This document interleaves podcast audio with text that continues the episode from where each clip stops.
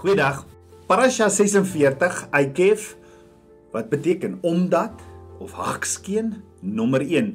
Die gedeeltes wat ons saam bestudeer in hierdie week is in die Torah Deuteronomium 7 vers 12 tot Deuteronomium 11 vers 25. In die Haftarah, die tweede gedeelte in die Ou Testament, is Jesaja 49 vers 14 tot Jesaja 51 vers 3. Dan die Bridesha, die Nuwe Testament, Romeine 8 vers 31 tot 39, Matteus 16 vers 13 tot 20 en Hebreërs 11 vers 8 tot 13. Die 46ste lesing uit die Torah en die en die derde lesing uit die boek Deuteronomium word die naam Akef omdat genoem, 'n woord uit die eerste vers van die gedeelte.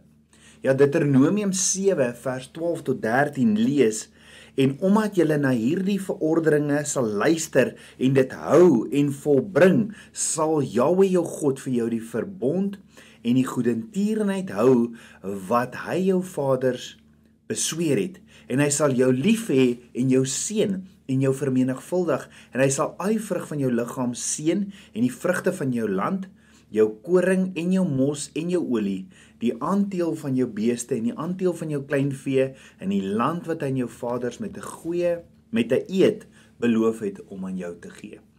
So eerstens beteken 'n kef omdat. Ja omdat jy Abba Vader met jou hele hart en met jou hele siel volg dat die vyand jou dat wanneer die vyand jou aanval daar nie probleem sal wees nie.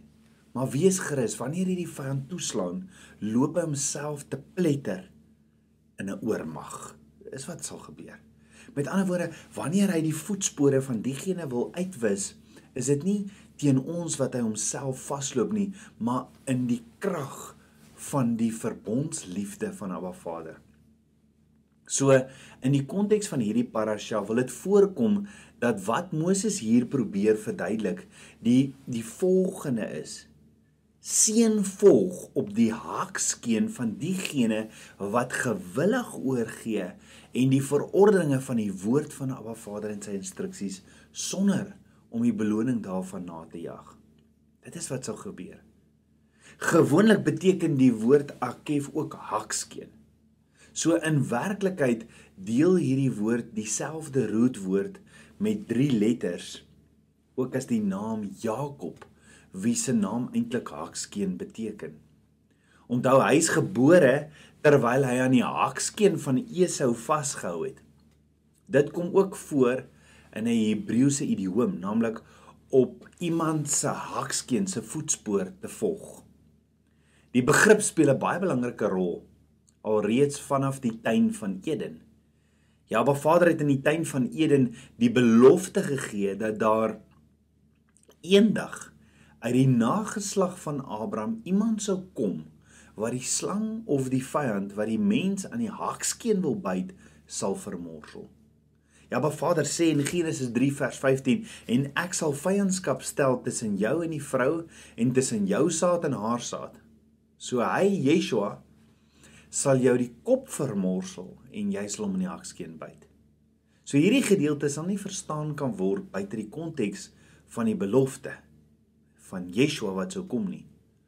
Om te verduidelik, Moses wil in hierdie gedeelte of hierdie parasha vir hierdie week vir ons die rol van die bruid van Yeshua uitbeeld.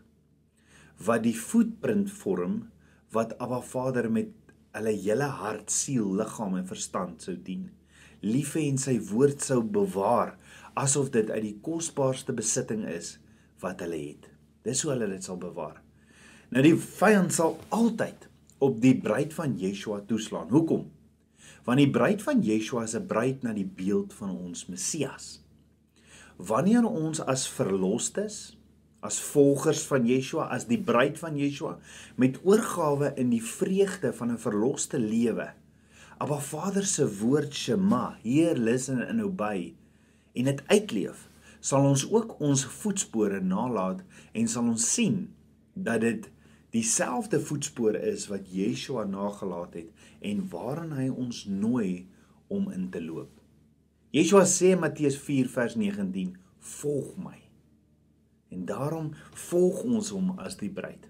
So in die Torah gedeelte vir hierdie week sien ons in Deuteronomium 7 vers 12 seëninge vir gehoorsaamheid. Daar's 'n beloning. Dis as ons Abba Vader gehoorsaam is, daar 'n beloning. Dis soos wanneer jy by 'n warm kraan gaan staan en jy maak jou hare water jou, jou hande uh, jy wil dit jy wil jou hande nat maak in die kraan. Jy draai die warm kraan oop. Gewoonlik dan vat dit 'n rukkie, veral in die ou tyd. Om vat dit 'n rukkie vir daai warm kraan. Maar ons het soveel geloof dat daar 'n beloning gaan kom dat as jy jou hande hou, dat die water gaan warm word. Net so is daar beloning vir ons gehoorsaamheid in die woord. Deuteronomium 7 vers 17 sê onthou met gepaste handelinge. Onthou wat die Hebreë woord is sakar en ons gaan daarna kyk. Deuteronomium 8 vers 1 wat sê 'n waarskuwing om nie Abba Vader in voorspoed te vergeet nie. Wie weet wanneer dinge begin goed gaan om nie vir Abba Vader te vergeet nie. Deuteronomium 9 vers 1 die gevolge van opstand teen Abba Vader wanneer jy in rebellie kom of jy in opstand is teenoor Abba Vader. En Deuteronomium 10 vers 1 die tweede stel tab uh uh tablette of die kliptafels. Deuteronomium 10 vers 12 die belangrikheid van die wette. Deuteronomium 11 vers 1 die belonings vir gehoorsaamheid ook weer. En dan die haftara gedeelte, dis die tweede gedeelte in die Ou Testament, Jesaja 49 vers 8 het Abba Vader Israel verstoot.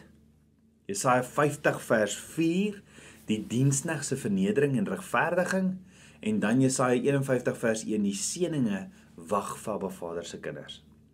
Dan in die Nuwe Testament, die Bridesha gedeelte vir die week, Romeine 8 vers 31 Abba Vader vir ons wie sal teen ons wees? As Abba Vader vir ons is, wie sal teen ons wees? Dan Matteus 16 vers 13, die belydenis van Petrus en dan Hebreërs 11 vers 13 in die geloof het hulle almal gesterwe sonder om die beloftes te verkry. So ons het gesien die gedeelte of parasha Akev begin met 'n belofte. As jy Abba Vader se verordeninge, sy wet onderhou en dit volbring, dan sal Abba Vader die verbond en die en die vriendelikheid, met vriendelikheid wat hy aan jou voorvaders gesweer het, bewaar en hy sal jou seën. Met ander woorde as jy Abba Vader se wette volg, sal hy dan die verbond hou. Wat beteken dit? Wat beteken as en dan? Want daar staan as jy Abba Vader se wette volg, sal hy dan die verbond hou. Wat beteken hierdie as jy dan sal hy? Onthou toe Abba Vader Abraham, Isak en Jakob beloof het dat hy hulle kinders vrugbaar sou maak en hulle na die beloofde land sou bring, was dit nie voorwaardelik nie. Dit was nie afhanklik van sekere gedrag of dit het nie so gelyk nie. Dit was 'n belofte. So waarom word dit hier in Parasha Aikef aangebied as iets wat die mense moet verdien?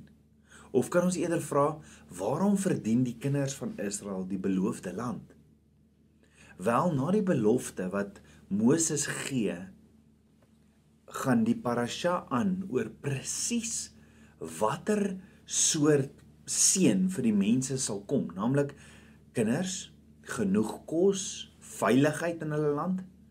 En Moses het die volk gerus gestel dat hulle nie moet bang wees dat hulle uitgelo uitgeloop sou word deur die nasies van die land wat sterker as hulle lyk nie omdat Abba Vader aan hulle kant is.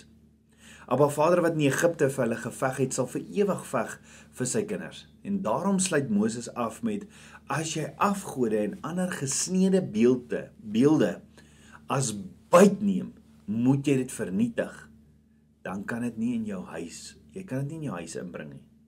Jou taak is om die enigste almagtige God te dien, die een wat jou beskerm en jy moet jou distansieer van alles wat die diens van die die diens aan Abba Vader kan beskadig. So in die volgende deel of parasha Aikev bespreek Moses 'n ander geestelike gevaar wat op die mense wag wanneer hulle die beloofde land binne gaan. Wat moontlik hulle verhouding met Abba Vader kan bedreig. En dit is die gevaar om dinge as vanselfsprekend te aanvaar en nie te besef wat Abba Vader vir hulle gedoen het nie.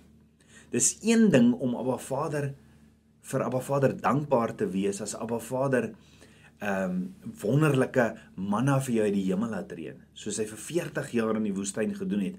Maar wat dan van as jy die land binne gaan en jy moet hard werk om jou eie graan te oes en jou eie brood te maak en as Abba Vader se rol ewe skielik vir jou begin onsigbaar lyk like in die natuurlike want dit gaan dit it's all about you.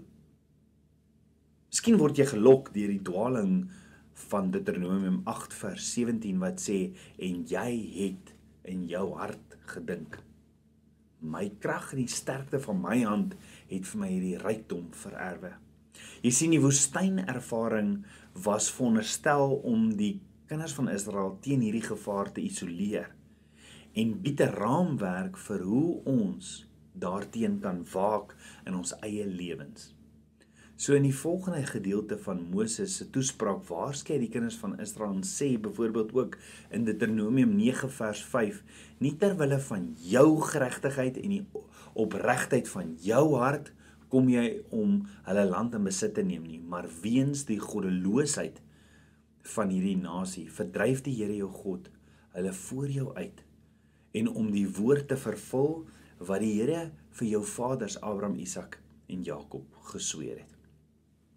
Met ander woorde, dit is nie as gevolg van die kinders van Israel se geregtigheid of as gevolg van die eerlikheid van hulle harte wat hulle die beloofde land in besit kan neem nie. Nee, Volgens Moses is dit weens die boosheid van die nasies wat verdien om uitgeskop te word en ook as gevolg van die belofte wat Abba Vader aan Abraham, Isak en Jakob gemaak het. So waarom verdien die kinders van Israel die beloofde land dan? Moses bewys amper asof die kinders van Israel dit nie verdien nie. Soos hy terug verwys na enkele belangrike mislukkings uit hulle geskiedenis soos byvoorbeeld die goue kalf en die sonde van die verspieders. Of is moontlik is Moses eintlik besig om vir ons te leer dat selfs as die mens sondig as hy Abba Vader ongehoorsaam is, daar altyd die potensiaal is om Abba Vader se vergifnis te bewerkstellig? Op hierdie punt raak Moses stil en vra 'n baie groot vraag. Hy vra in Deuteronomium 10 vers 12 tot 13 en nou Israel Wat eis die Here jou God van jou as jy net om die Here jou God as as net om die Here jou God te vrees en al sy weë te wandel en hom lief te hê en die Here jou God te dien met jou hele hart en met jou hele siel om te hou die gebooie van die Here jou God en sy insettinge wat ek jou wat hy jou beveel dat dit met jou kan goed gaan. Dit is 'n dit is 'n interessante vraag want die woord of die Torah is natuurlik gevul met hoofstukke op hoofstukke van beskrywings van wat presies Abba Vader van ons eis. Maar met hierdie vraag wil dit voorkom asof Moses daarop aandui dat die geheel van wat Abba Vader begeer of eis van ons kan tot enkele fundamentele punte opgesom word. En wat sal dit kan wees? Of kan ek vra? Watse kerneienskappe word van ons verlang as die bruid van Yeshua? Moses noem vir ons die volgende op in hierdie week se parasha gedeelte. Ons moet Abba Vader, ons moet hierdie ontsag vir hom hê. Ons moet hierdie vrees vir hom hê. Ons moet in al sy weë wandel. Ons moet hom lief hê en ons moet Abba Vader dien met ons hele hart en met ons hele siel en om Abba Vader se gebooie en sy insettinge te hou. Daar is iets ehm um, intrigerends aan hierdie formulering want want Micha in die boek Micha probeer ook dieselfde vraag te beantwoord, maar die profeet doen dit iewat anders en sê in Micha 6 vers 8: Jahwe het jou bekend gemaak o mens wat goed is en wat vra Jahwe van jou anders as om reg te doen en om liefde te betrag en ootmoedig te wandel met jou God. So die lys van Micha is nog korter.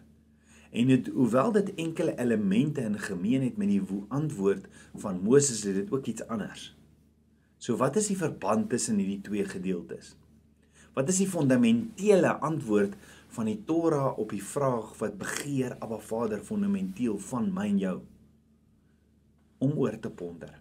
Wat se kerneienskappe verwag Abba Vader van die bruid van Yeshua?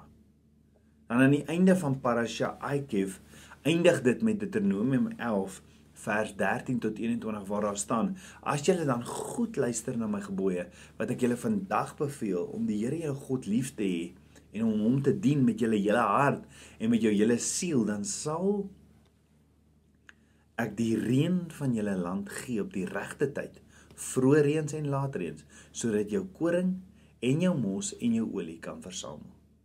En ek sal plante gee op jou veld vir jou kleinvee en jy sal eet en versadig word.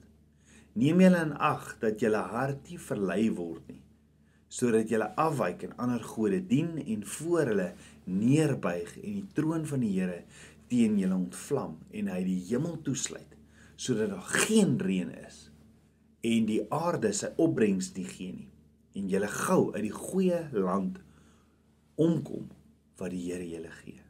Lê dan hierdie woorde van my weg in julle hart en in julle siel en bind dit as 'n teken op julle hand en laat dit as 'n voorhofsband tussen julle oë wees en leer dit aan julle kinders deur daaroor te spreek as jy in jou huis sit en as jy op jou pad is en as jy gaan lê en as jy opstaan, skryf dit op die deurposte van jou huis en op jou poorte sodat jou dae en die dae van jou kinders in die land van die Here aan julle vaders met 'n eed beloof het om aan hulle te gee kan vermenigvuldig soos die dae van die hemele bo oor die aarde. Wat 'n blessing wat Abba Vader gee. Kom ons bid saam. Abba Vader, skieper van my hart. Abba, ek loof en ek prys U.